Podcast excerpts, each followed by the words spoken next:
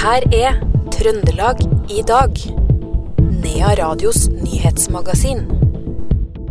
Administrerende direktør Torbjørg Vanvik går av som sjef i Helseplattformen etter styremøtet i går, der hun la skylda på brukerne for at over 16 000 brev hadde forsvunnet. Og Rørosmeieriet har havna i en svært så prestisjefylt eh, finale i konkurranse med bl.a. Vips, Amnesty og Obos. Dette er noen av overskriftene i Trøndelag i dag, torsdag 9. mars.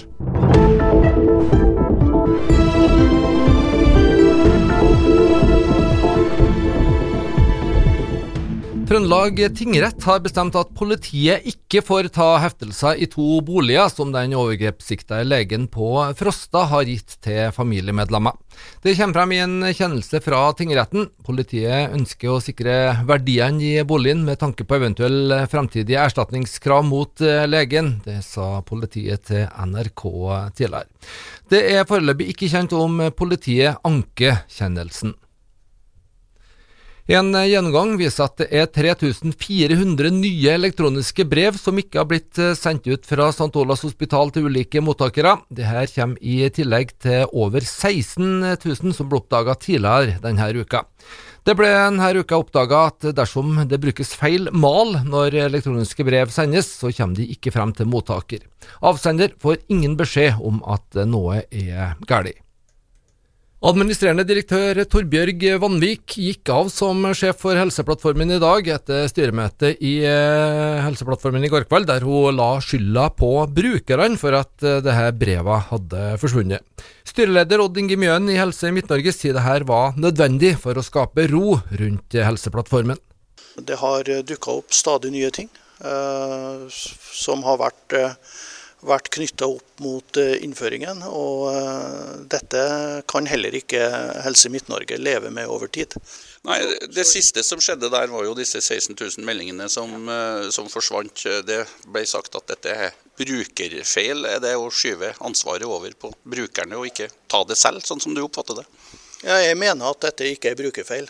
Jeg mener at systemet gir ikke svar tilbake til brukerne hvis eh, de har gjort noe som de ikke bør gjøre i systemet.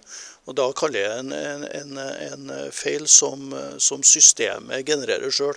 Det kan vi ikke ha, og derfor så, så bør vi også eh, få en systemrevisjon nå av eh, hele Helseplattformen, som styret mitt har vedtatt i dag i, i, forhold til at eh, vi kan ikke uh, utover nå oppleve at det kommer stadig nye ting eh, for dagen når det gjelder selve systemet. Flere tillitsvalgte har sagt at også Helse Midt-Norge-toppen Stig Slørdal må trekke seg. Han sier på sin side at han har tillit fra sitt styre. De mener vel at jeg ikke har informert styret mitt riktig. Vi har jo basert oss på rapporter fra flere, flere, eh, parter, men det viktigste er jo det regionale innføringsprosjektet hvor alle direktørene sitter, eh, og hvor også Helseplattformen sitter sammen med direktørene fra eh, sykehusforetakene, og hvor eierdirektøren vår og senere fagdirektør har sittet. Det er jo de som har gitt råd underveis, og som har samla den informasjonen som vi har bygd på. Var du overraska over at uh, Torbjørg Vanvik gikk av, eller var det noe som Helse Midt-Norge ba om? Nei, det er jo styret. Eh, men jeg har stor respekt og forståelse for at styret og ledelsen har kommet til at det var nødvendig å gjøre en endring i mannskap nå i Helseplattformen.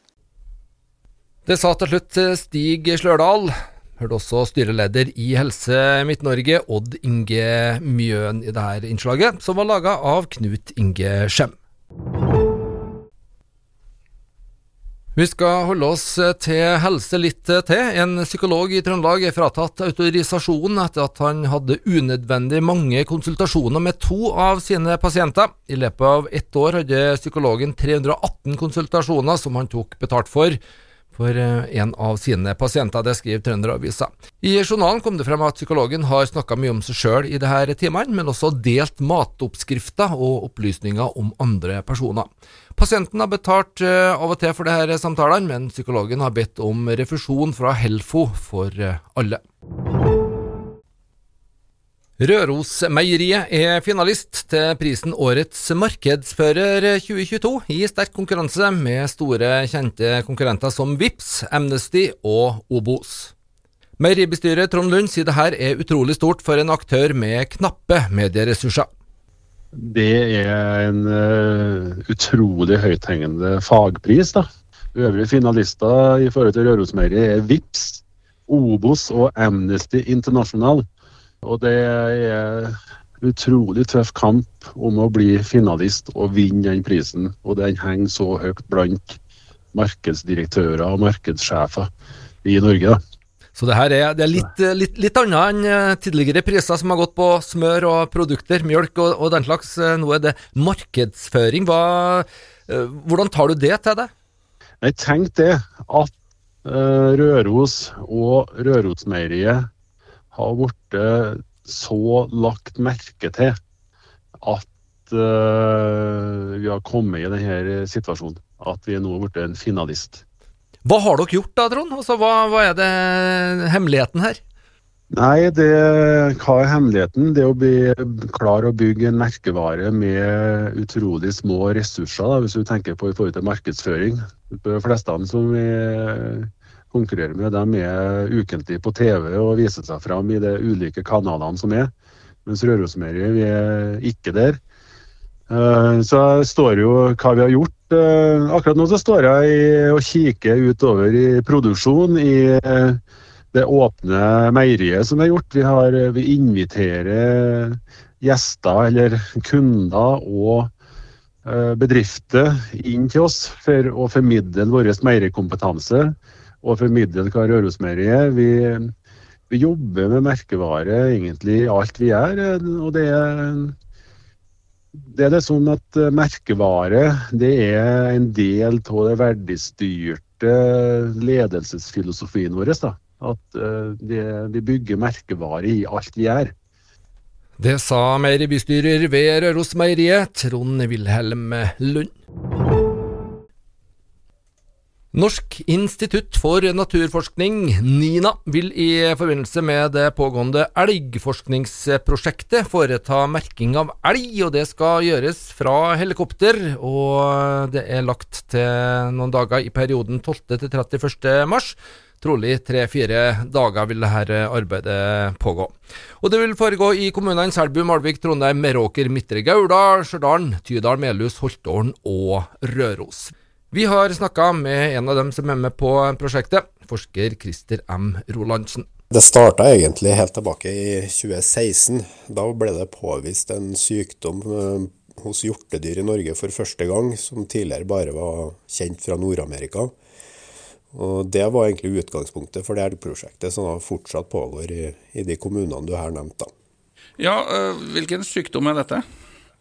Det er en sykdom som eh, har fått det norske navnet skrantesjuke, som er en prionsykdom som da er beslekta med det som kanskje mange kjenner fra, fra Storbritannia for mange noen tiår tilbake med kugalskap. da, Ikke bare Storbritannia, men det var der det var et sånt utbrudd som også smitta over på folk den gangen. da. Ok, og dette har, eh, vi har, vi har jo hørt dette med skrantesjuke i forbindelse med rein eh, også. Eh, mm. Hvor stort problem er det for elg, den trønderske elgstammen, da? Eh, nei, vi, tilbake i 2016 så var, det, var vi jo veldig bekymra, og jeg er fortsatt det for uh, rein. Uh, nå viser det seg at den typen som er på elg, som ble påvist på elg da i Selbu i 2016, den ser ut til å være en annen type enn den på rein. Og, og, av en type som er, er bedre, da, for å si det sånn, at den er mer sporadisk forekommende. Men samtidig så kan vi veldig lite om dette og derfor er jeg valgt å fortsette prosjektet i i Trøndelag, da, men da også med mange andre forskningsproblemstillinger enn bare det med skrantesjuke. da. Forsker ved Norsk institutt for naturforskning, Christer M. Rolandsen der. Reporter, det var Knut Inge Skjem. Lørdag så er det premiere på en ny revy fra Hummelvik-revyen. Den har fått navnet Ja bevares. Og Jo Arne, Finn og Torstein Fossmo tok en uh, prat med vår reporter Karin Jektvik nylig om hva de skal foreta seg denne gangen. Det er jo verdensproblemer og lokale problemer, kan jeg si. Og regionale ting og ting som er oppe i dagen. Uh, den heter jo, Revyen heter jo Ja bevares, og den spiller jo en del på en litt betent sak i lokalsamfunnet i Humlika, i hvert fall. Og um, hva får vi møte av uh, lokale problemstillinger? Nei, det er jo litt forskjellig, egentlig. Men det er i høyeste grad så nevner vi jo den her Moan-utbygginga, som det har vært en del stridigheter om da, noen år. Og så er det jo ellers en sånn generelle betraktninger rundt det å bo og leve i Hummelvika. og Kanskje òg litt om det å være ny der, og tre inn i en del sjargonger og navn og plasser og folk og Ja, så litt generelt. Har du noen eksempler? ja, jeg det står en ved siden av meg her som, eh, som, er opptatt av gamle hus og heimer og folk som bodde der og bodde her. Det blir det nå en egen eh, seanse om, i hvert fall. Ja, men Det er viktig å ha med seg historier. Skal ta seg en tur fram i tid. Men vi er jo òg på motorveien. Og det som foregår oppe på Sveberg, da, som blir liksom vår nærmeste nabobygd. De har jo postnummer Hummelvik. Det er bare å glede seg til en ny revy fra denne eh, gjengen. Hummelvik-revyen, altså. Premiere på lørdag. Vi hørte Jo Arne, Finn og Torstein eh, Fossmo. Reporter var Karin Jektvik. Vi skal ha litt eh, sport òg. Oppdalsjentene Toril Bjørnstad og Ingeborg Forbregd var på det norske laget som tok bronse i curling-VM i forrige uke. Denne uka har de lada opp på hjemmebane før NM i curling på Lillehammer. Toril Bjørnstad medgir at det smakte godt med bronsemedalje. Jo, det var veldig godt, det. Vi har jo trena for det her hele sesongen, så det er godt at vi får resultatet vi ønsker. Men så må vi slå fast at det var Altså, Dere var jo så nede det går an å komme atskillig høyere på pallen. Da. Det var én sten, var ikke det? Ja, det var noen bommer i siste omgangen som gjorde at det ikke gikk veien. Så vi var ganske misfornøyd etter den kampen. Det må sies, ja. Men eh, etter bronsemedaljen i Ingeborg Forberg, da, da, var det glemt? Ja, da var det glemt. Det var en deilig følelse. I hvert fall få på seg medaljen. Mm. Og så liksom Når du kommer igjen fra et verdensmesterskap, da, Nora Østgaard.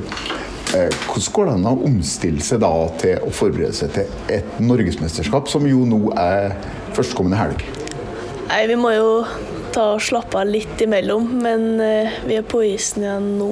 Og må bare koble på og prøve å gjøre det best mulig der òg. Er det litt greit å komme hjem til gamlebanen nå, eller?